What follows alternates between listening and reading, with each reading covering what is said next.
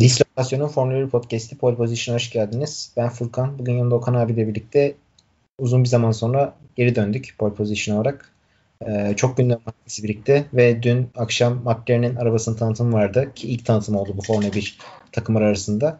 Ee, bunları konuşacağız. Gündem maddelerimiz yoğun bayağı uzun bir süreden sonra geri döndüğümüz için e, bir sürü olay oldu Formula 1 camiasında. Alonso'nun kazasından tutun motor gelişiminin durdurulmasına kadar. Bugün hepsini konuşmaya çalışacağız sizlerle birlikte. Öncelikle hoş geldin. Nasılsın? Hoş bulduk. Yani gündem sıcak. Ee, biz de uzun süredir hani podcast çekmenin derdindeydik zaten. Hani e, gündemi sıcağı sıcağına değerlendirip McLaren'in tanıtımını bekliyorduk açıkçası. E, gündemi sıcağı sıcağına değerlendirip önümüzdeki haftalar diğer araçların tanıtılmasını bekleyeceğiz. Bu hafta yanımızda e, Altay yok ne yazık ki. E, ama inşallah gelecek haftalarda o da bize tekrardan katılacak. İnşallah. o zaman ilk olarak McLaren'in e, dün tanıtan arabasıyla başlayalım istiyorsan. Çünkü biliyorsun McLaren e, dün kamuoyunda şöyle söylentiler vardı. Tanıtılan en farklı araç olacağı yönünde bu sene takımlar arasında tanıtılan. Çok fazla değişik yenilik olacağı üzerine ve e, tabi Mercedes motoruna geçmesinden dolayı Renault motorundan e, büyük bir beklenti var aslında McLaren'de de. Acaba ne kadar ileri gidebilecekler? E, Mercedes motoru ortak olunca tabi burada ön plan çıkan Formula 1 camiası arasında asıl faktör Williams'ta da Mercedes motoru var. Racing Point'te de Mercedes motoru var. Asıl faktör ne oluyor? Şasi oluyor. Onun kullan şasi de çok merak ediliyordu. Ee, senin ilk olarak izlenimlerin ne yönde oldu? İlk şey kalkınca, arabanın üstünden perde kalkınca e, nasıl bir intiba uyandırdı sende? Ya şöyle söyleyeyim. Ben ilk gördüğüm an dedim ki gerçekten çok büyük bir değişiklik var bu arabada. Hani bir şeyler deniyorlar. Çok net bir şekilde bu belli. Çünkü e, benim ilk gözüme çarpan e, ön kanat oldu. Ondan sonra taban oldu. E, dashboard oldu. Ondan sonra side podlar oldu.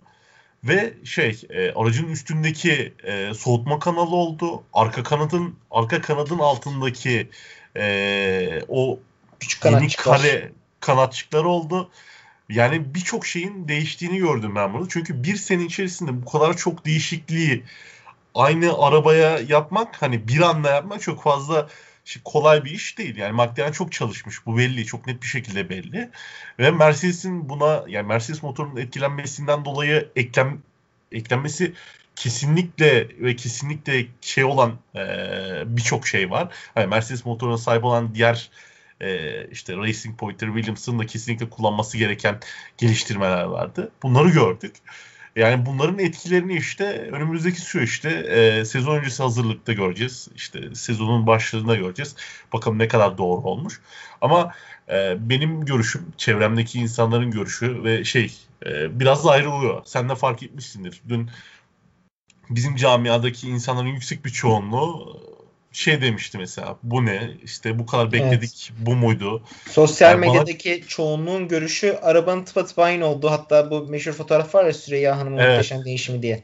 Ee, renk düzeni aynı ama acaba bu da bir taktik mi diye düşündüm şahsen aslında. Yani renk düzeni aynı. İlk bakışta evet aynı gözüküyor sanki. Ama yakından baktığımız o kadar çok farklı şey var ki fark ettiysen mesela e, bu 2016-2015 sürecindeyken Alonso'nun McLaren'e dahil olmasıyla birlikte McLaren'in rengi siyahtı. Siyah renkten daha sonra turuncuya geçtiler. Hani ben Papaya. bunu şu şekilde e, Papa işte. Ben bunu şu şekilde yorumladım. Mesela şimdi e, Brown'un yaptığı hani o dönemki yaptığı açıklama şeydi hani biz yenilik arıyoruz. Bu yeniliğin yeni bir rengi. O papaya rengiyle başlayacağız demişti. Papaya ve mavi artık ne mavisiyse orasını bilmiyorum. Mavi rengiyle geleceğini söylemişti. Ben o yeniliklerin hala devam ettiğini düşünüyorum ve bu yüzden bu renge bağımlı kaldıklarını da düşünüyorum. Çünkü baktığın zaman McLaren uzun süredir yakalayamadığı başarıların yüksek bir çoğunluğunu bu renk düzeniyle yakalamaya başladı. Hani ortanın bir tık altında olduklarını hissettikleri her renkte bu şeylerdi. Hani ve yükselişleri de bu renkte oldu. Ben bu rengi bir süre daha kullanacaklarını düşünüyorum. İnsanların da sadece bu renk ve e, marka e, düzenlerine e, bakarak yorumladığı şeyin de yanlış olduğunu düşünüyorum. Çünkü hani biraz önce de söylediğimiz gibi müthiş şeyler değişmiş. Yani şimdi mesela bakıyorsun e, mesela şey komple değişmiş abi mesela onu söyleyeyim ben hemen. Motor kapağı yani arabanın arkası o kadar farklı geçen seneki de. Evet çok farklı, çok farklı e, ve hepsi farklı. Mesela şey e, bu e, sen söyle Taban. Bu aracın altındaki taban mesela. Yani normal şartlar altında kimse bu düzene geçmemişti henüz. İlerleyen yıllarda hani bunun küçülmesiyle ilgili bir e, karara varıldı. Yani bunu gördük. Direkt gördük ve aynı Diğer takımlar da bunu uygulayacak ama ilk örneği McLaren oldu. Aslında çok yeni bir şey. Yani ilk evet. öncüsü oldular belki de. Ve hani şey şu anda mesela ya henüz ya bundan sonra zaten bir değişiklik olmayacak yüksek ihtimalle diğerlerinde. Çünkü tabanda artık şey yapamıyorlar mesela. Ee, eskiden hani tabandaki e, delikli kısımlarla e, biraz daha işte bu pis havanın temiz havana karışmadan işte arka taraftan çıkarak aracın e, yol tutuşunu arttırmaya sağladıkları sistemleri artık kullanamayacaklar.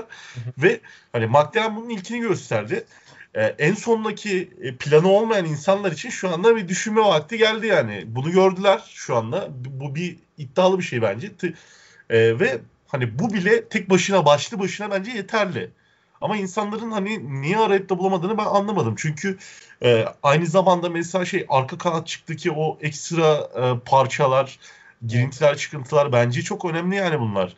Aynı zamanda side podların büyümesi, e, ondan sonra soğutma kanallarının büyümesi bunlar bence çok şey. Çünkü eskiden Renault motoru kullanıyorlardı. Renault motorları bu kadar çok hani her zaman konuştuğumuz mevzu vardı ya işte Renault motorları işte daha sıcak havalarda daha kötü çalışıyor. İşte ve hararet sorunu vardı abi geçen sene McLaren'da. Evet. Birkaç kere birkaç yarışta arabanın üstüne delikler açtılar motor kapağının üstüne. Hava çık geliş evet. olsun diye. Şimdi mesela Mercedes motorunda Mercedes'in zaten bu şekilde çalıştığını biliyoruz. Çünkü geniş side podlar ve e, soğutma kanalları çok büyük mesela Mercedes'in diğer araçlara göre. Keza aynı şekilde Williams da bu şekilde uyguluyor.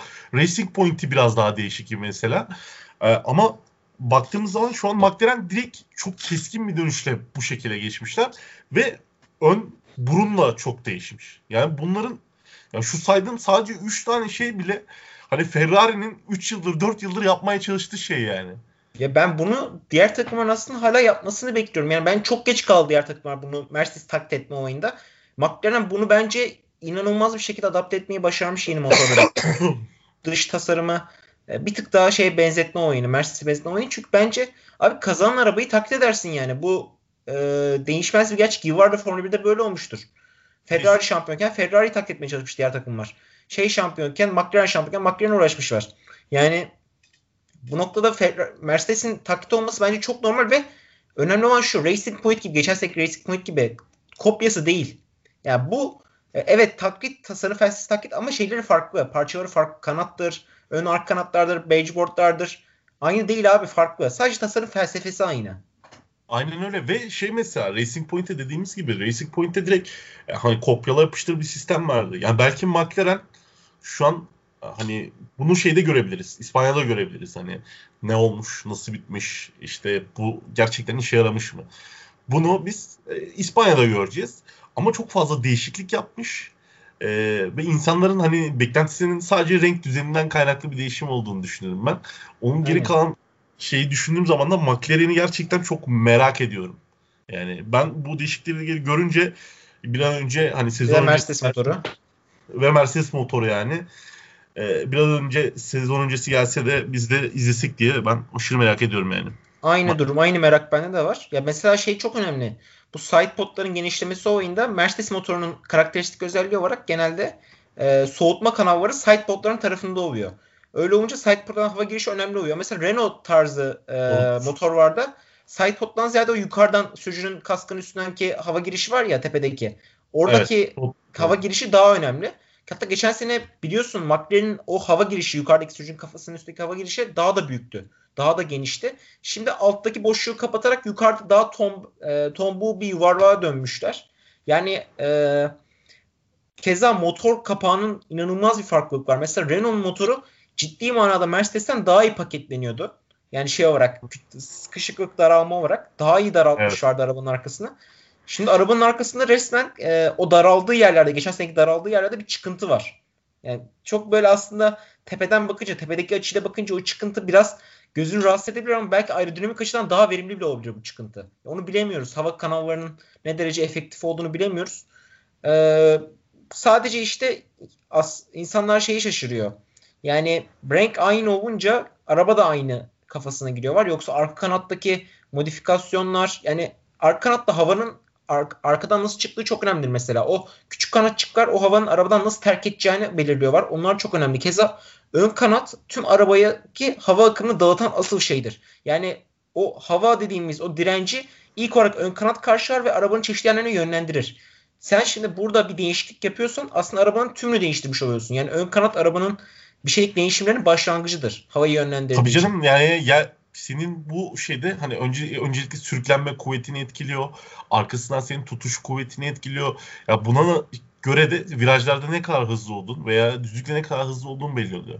Ben o yüzden aşırı merak ediyorum yani. Böyle bir keskin geçiş var çünkü. Hatırlarsın Red Bull'un 4 yıl üst üste domine ettiği sezonda mesela hani herkes bir anda o şeyin sonunda Red Bull'un şeyine geçmeye başladı. Red Bull'un yaptığı düzene geçmeye çalıştı. Hı hı. Ondan sonra herkes yavaş yavaş oturtmaya başladı ve e, zaferler gelmeye başladı.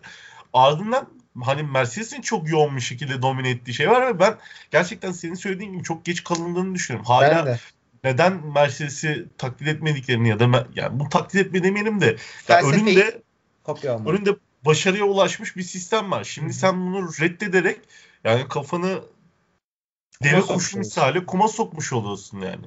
Şu an McLaren bunu yaptı.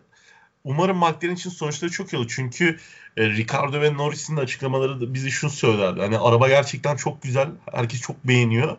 Yani yüksek bir ihtimalle verdiği hissiyat da çok iyi. Onların gördüğü şeyler bizden çok daha farklı tabii ki. Ee, sanırım Silverstone'la bir e, Bugün şey bir deneme çıkacak. sürüşü yapıyor abi. 100 kilometre maksimum. Bir deneme reklam sürüşü adı altında.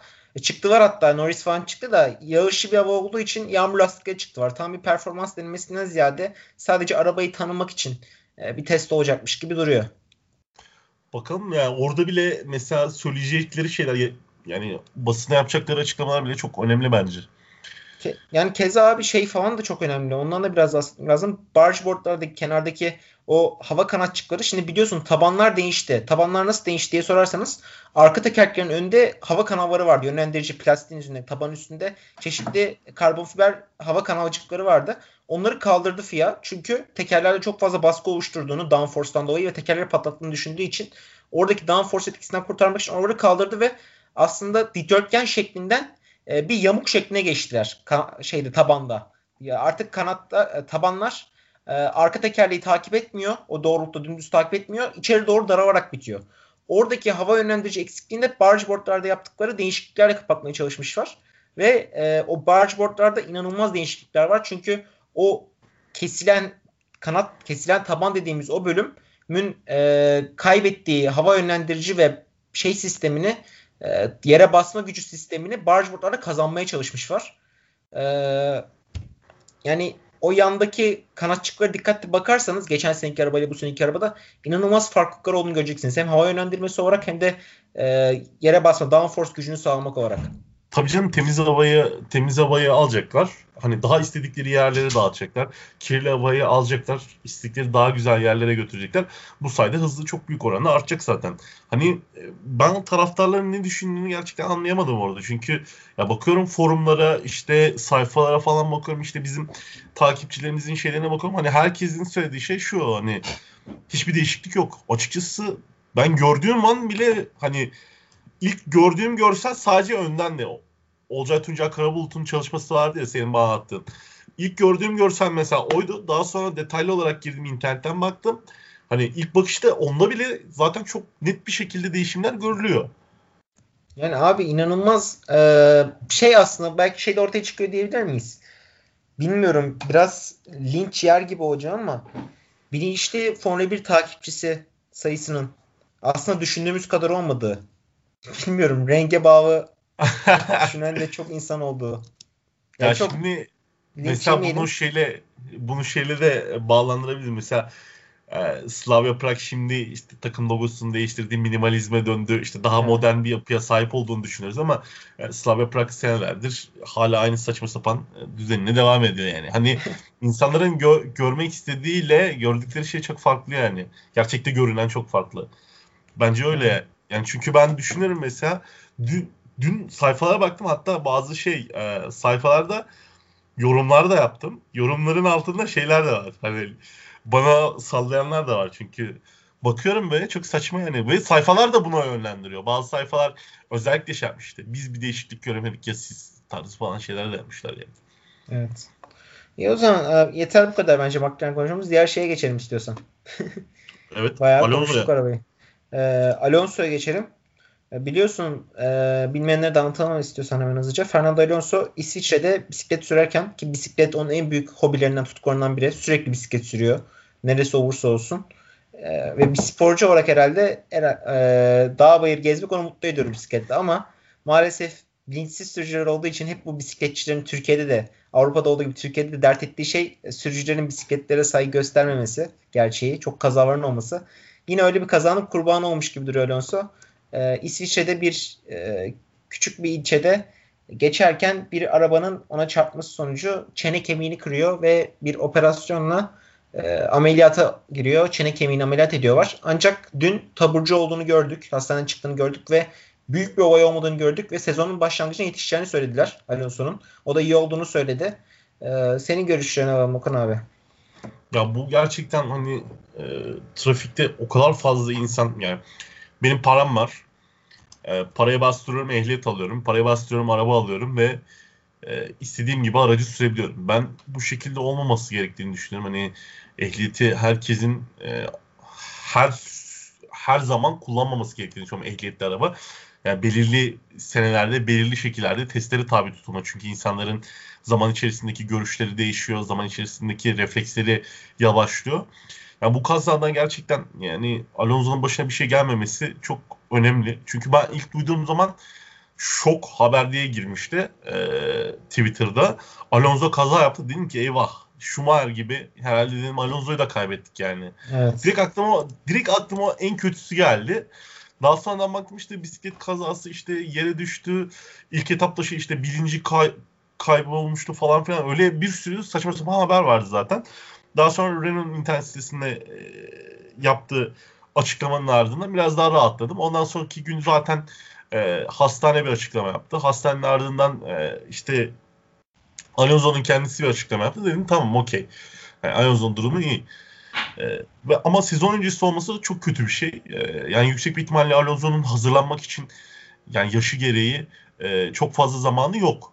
Ya 12 Mart'ta abi e, sezon başlangıç testleri. Aynen.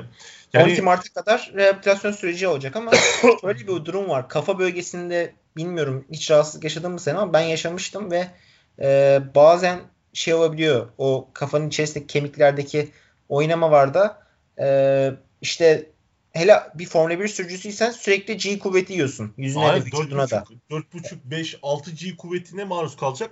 Ben de ona getirecek. Kemikler var. acıyor abi. O kafadaki kemikler sen o G kuvvetine ufak da tam şey olsan yani ben bende var mesela öyle bir sıkıntı. E, şey var. E, kemiğimin üstünde ne deniyor ona metal bir parça gibi bir şey var. E, sadece karting sürerken bile virajı dönerken onun şeyini hissediyorum anlatabiliyor muyum? Zaman zaman. Canım, işte Alonso'nun 36 şey e, Alonso'nun yaşı da artık çok geçti. E, hani bu süreçte zaten hani Alonso iki senedir Formula 1'den uzak. Hani kendisini mümkün olabildiği kadar formda tutmaya çalışıyor ve formda da tuttuğunu düşünüyorum ben açıkçası. Hani bu yaşta e, bu yaştaki sporcular için sakatlıklar çok önemli. E, hele de dediğin gibi baş bölgesindeki bir sakatlıkta yani çok büyük sıkıntı yaşayabilir. Umarım yani bizim zannettiğimizin aksine çok daha basit bir şeydir. Ve sezon öncesindeki sürece yansımaz. Hemen e, bir iki hafta içerisinde toparlar ve istediği seviyede yarışmaya başlar Alonso.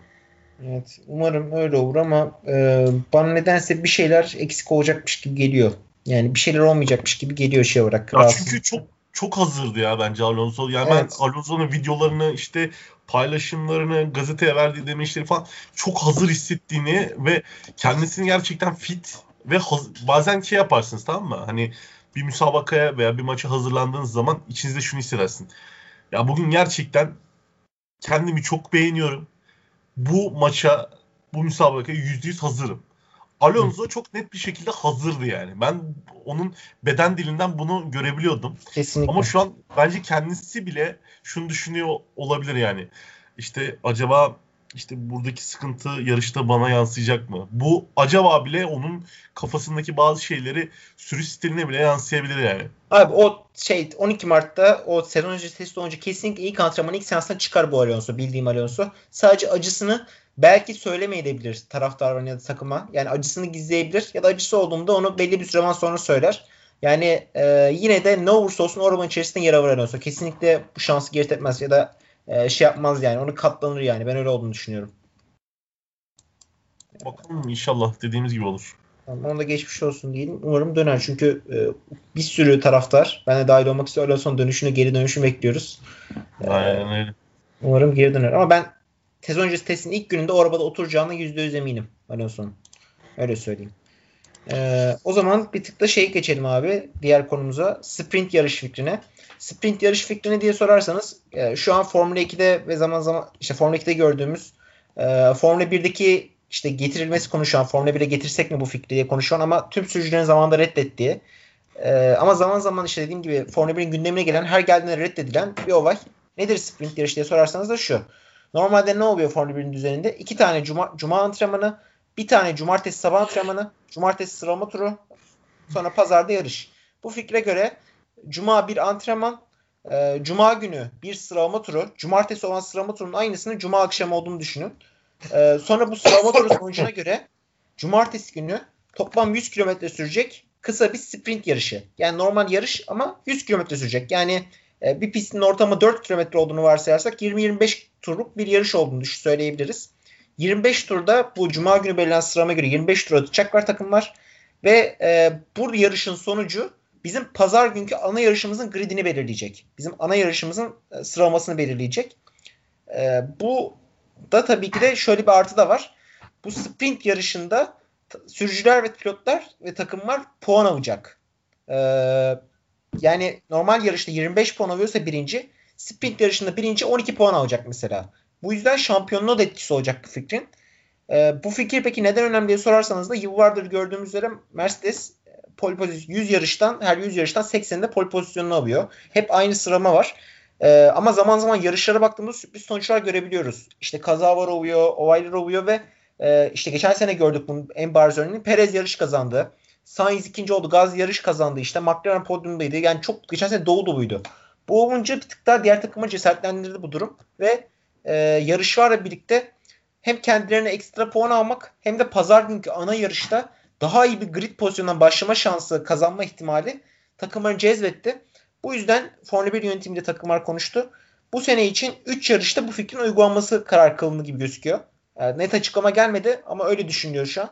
Monza e, yani İtalya, Brezilya ve Kanada'da bu pistler hep düzlüklerinde geçiş imkanı olan ve eski pistler. E, geçiş imkanı olan pistlerde bunun denenmesi de aslında bir tık daha olayı heyecanlandırıyor. Okan abi sen neler söylemek istersin bu konu hakkında? Ya açıkçası söylemek gerekirse hani e, ben normalde bazı şeylerin e, böyle traditional kalması taraftarıyım tamam mı? Hani düşündüğün zaman hani Formula 1 Formula 1 olarak kalmalı. İşte uzun süre mesela e, bu turbo motorlardaki değişim falan filan hani çok kişi için yanlış veya doğru diye yok. Mesela orada daha farklı düşünüyorum ama e, genel özünün de e, bence olmaması gerektiğini düşünüyorum ama hali hazırda şu izlediğimiz birkaç sezondur hatta birkaç sezondur değil mi 4-5 sezondur yani çok büyük bir Mercedes hegemonyasının altında gittiğini de düşünürsek bu tarz şeylerin e, yarışmayı biraz daha e, mümkün kılabileceğini düşünüyorum. Yani Red Bull için, diğer takımlar için birbirleriyle yarışma arası yarışmak için e, daha fazla sebepleri olacak diye düşünüyorum. Çünkü mesela hafta sonu antrenman turlarında bazı takımlar işte e, ilk başta çok fazla şey denemiyorlar. İşte en sona kendilerini çok hazır hissetmeye çalışıyorlar. E, ve bu yaklaşık 20-25 turluk e, yarışın da bazı şeyleri önleyebileceğini düşünüyorum. Mesela hazırlık süreciniz çok uzun olursa çok hazır olursunuz. Ama hazırlık süreciniz kısa olursa hazır olma şansınız olmadığı için aksilikler olur ve hani bu aksilikler de bize seyir zevki yüksek şeyler getirebilir.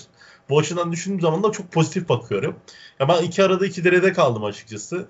Ama hani şey bir taraftan hani Formula 1'in e, kendi devam eden e, geleneklerine bağlı kalması gerektiğini düşünürken bir taraftan da böyle bir değişikliğin iyi olabileceğini düşünüyorum. Ya 3 yarışta olması aslında bana okey diyor ama sen bunu tüm sezonu yayarsan ben de aslında pek taraftar değilim. Tüm sezon olursa çünkü belli bir süre sonra nasıl şu anki yarışlar e, bazı sezonlar özellikle çok domineyse ve monotonsa bu sistemde diğer takımlar tarafından belli bir zaman sonra gene monotonlaşabilir bu sistem. Onu demek istiyorum. Ama 3 yarışta yapmam mesela, bunu ve geçişlerin olduğu pistlerde yapmam bir tık daha işi heyecanlı kılıyor. Mesela Renault'un geçen geçtiğimiz sezonda Renault'un e, dönemin başlarındaki şeyi şuydu. İlk e, 30-40 tur çok güzel gidiyorlardı. İlk 30-40 tur diyorum.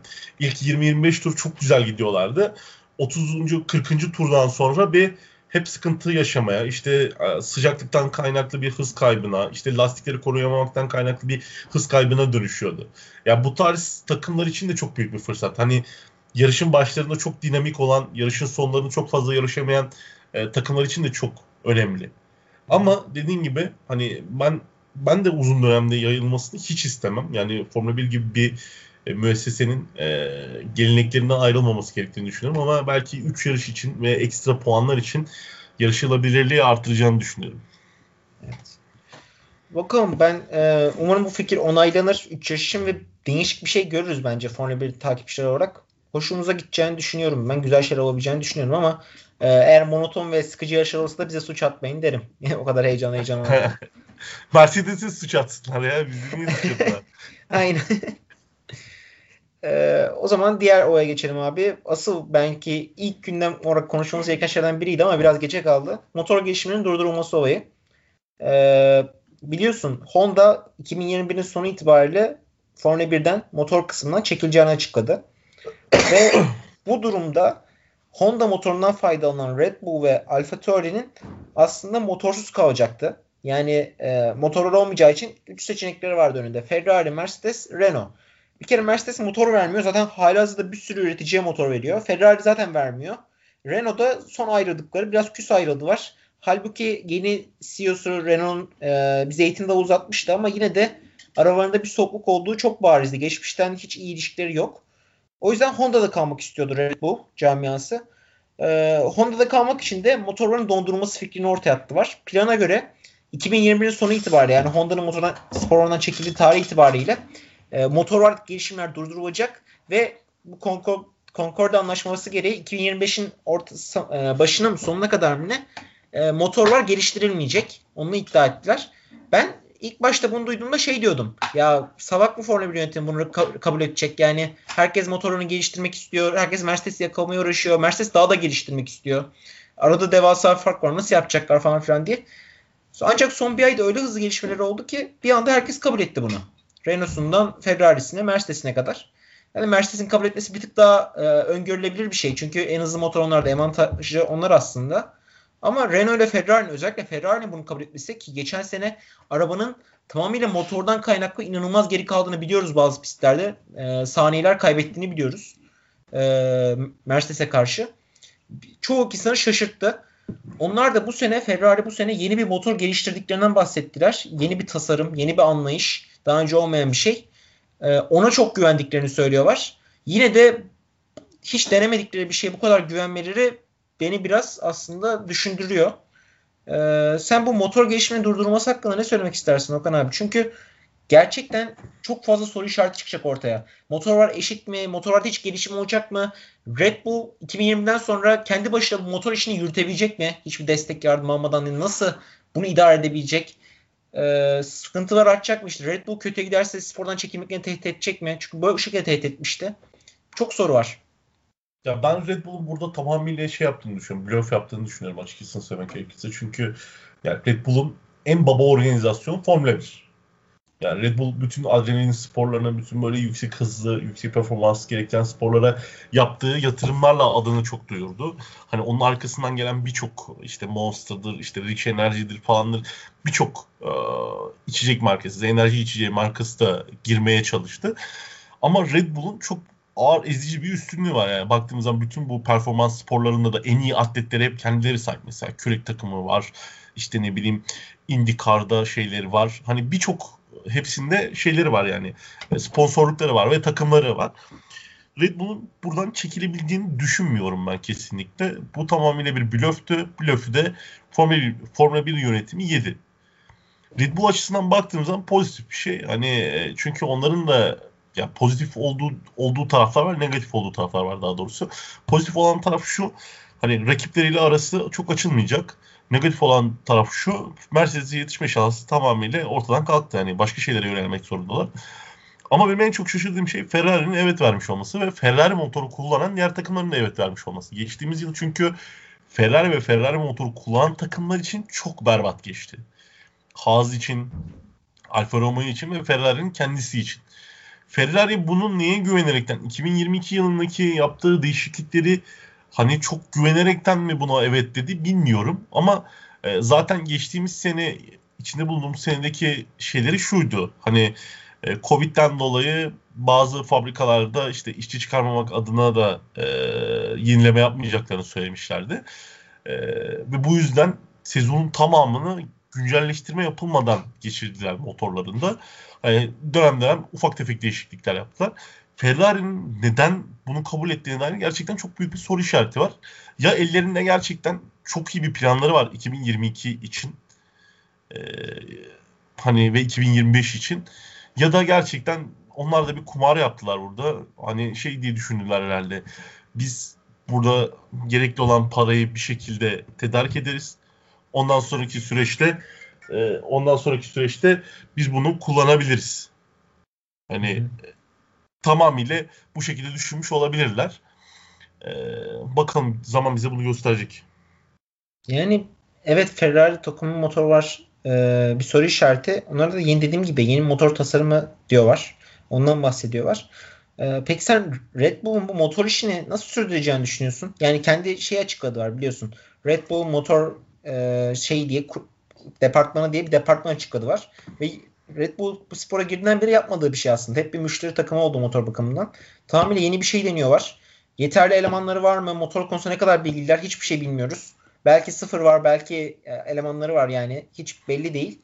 E, bir risk alıyorlar onlarda. Bunun hakkında ne söylemek istersin? Sence e, aslında şöyle bir durum da var. Onu demek istiyorum, eklemek istiyorum.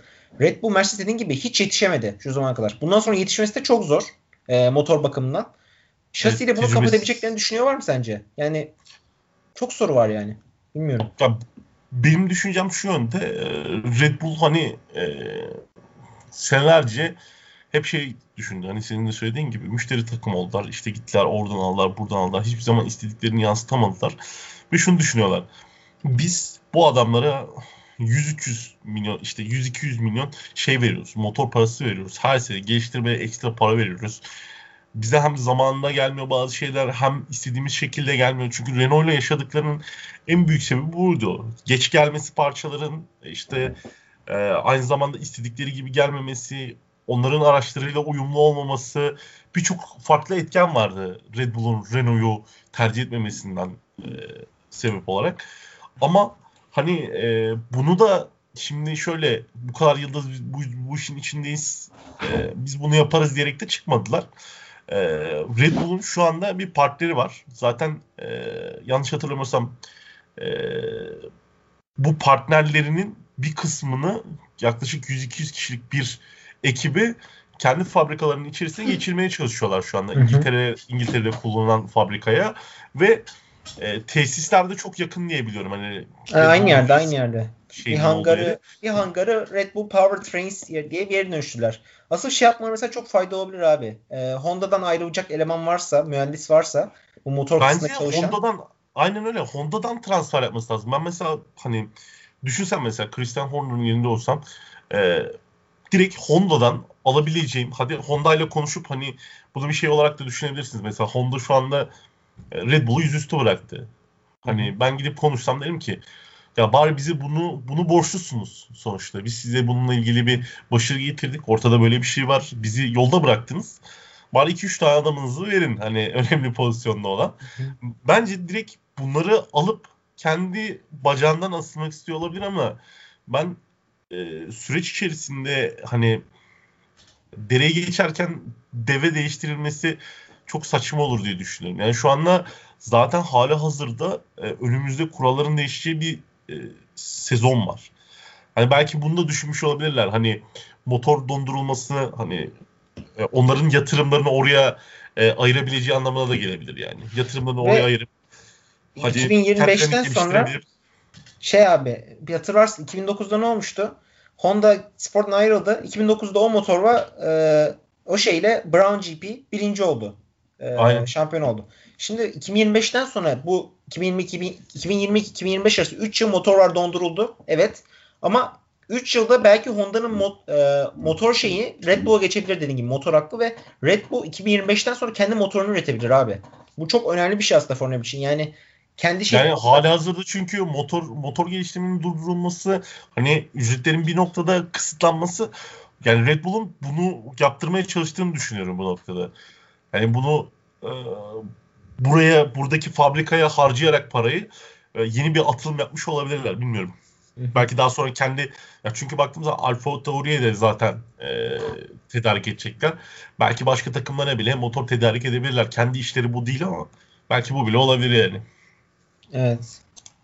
Ee, yine de Red Bull'un yeni motoru hepimizin merak konusu olacak bu sezonda ve ben e, bunun dezavantajlarını yaşarlarsa e, McLaren'in Red Bull geçebileceğini ve Mercedes yaklaşabileceğini düşünmeye başladım. Özellikle dünkü tanıtımdan sonra. Onu da belirtmek istedim yani.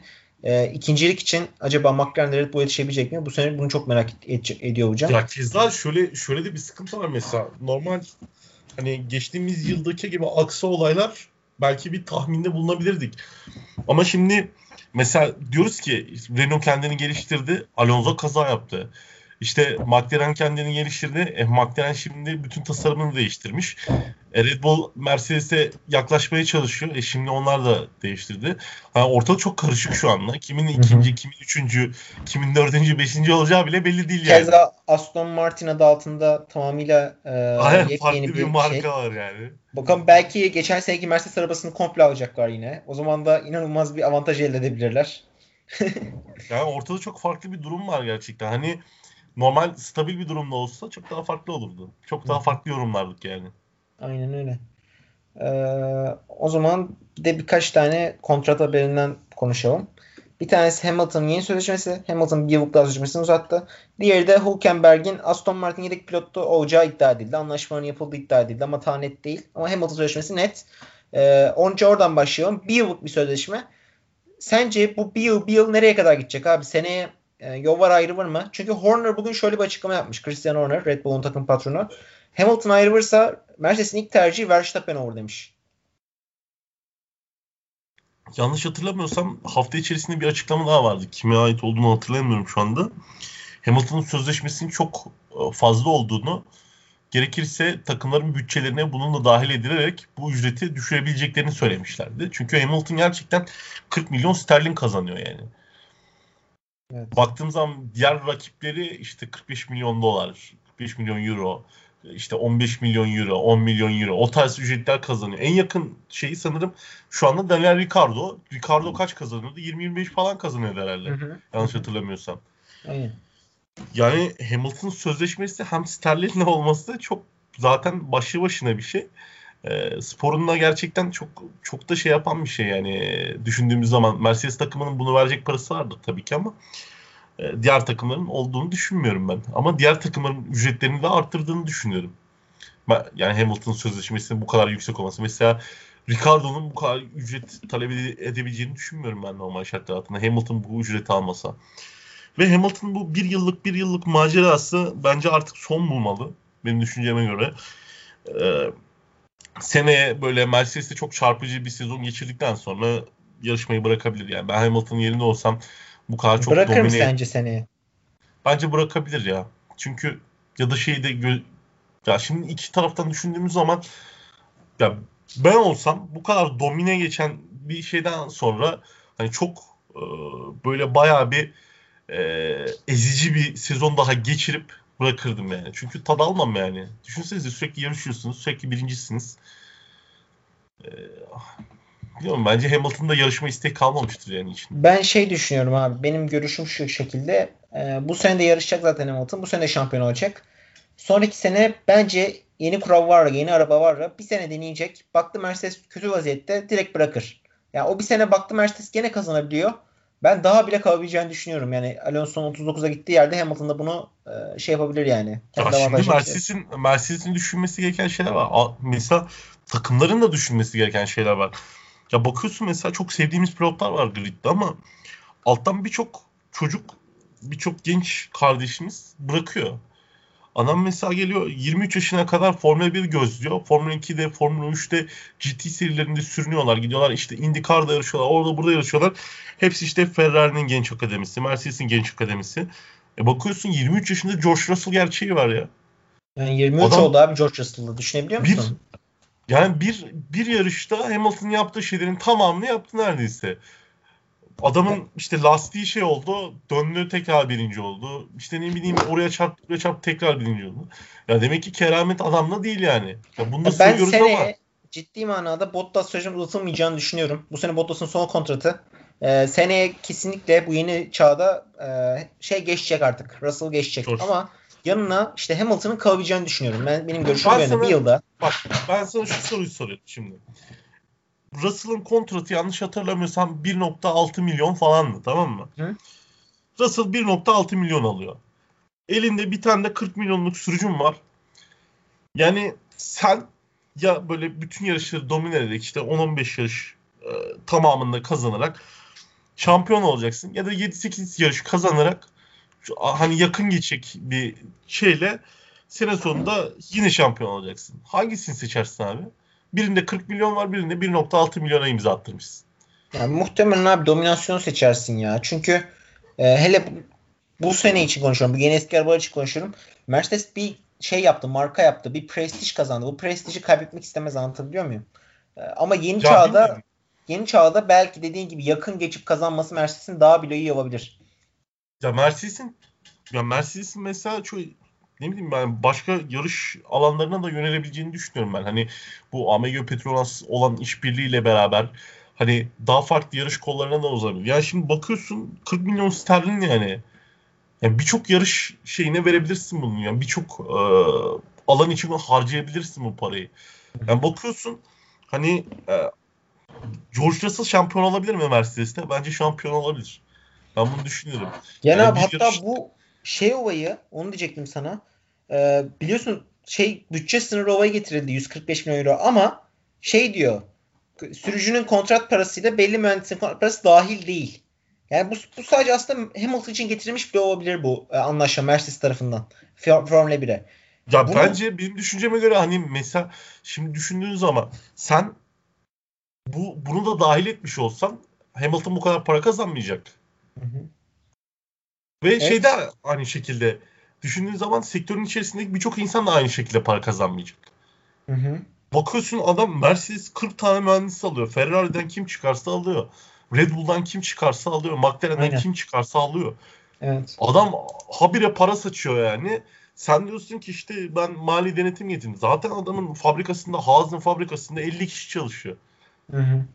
Hatta Haas arabası yetiştiremeyecek diyor abi. Onu da konuşuruz bir sonraki programlarda ama e, arabasının yetişmeyeceği konuşuluyor gene. Paketlemesinin yapılamadığı, daha motorun bile paketlenemediği falan söyleniyor ki 3-4 hafta kaldı şurada şeye.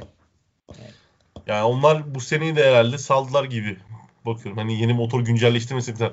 Gene Haas çünkü akıllı bir adam. Kayserili gibi düşünüyor yani.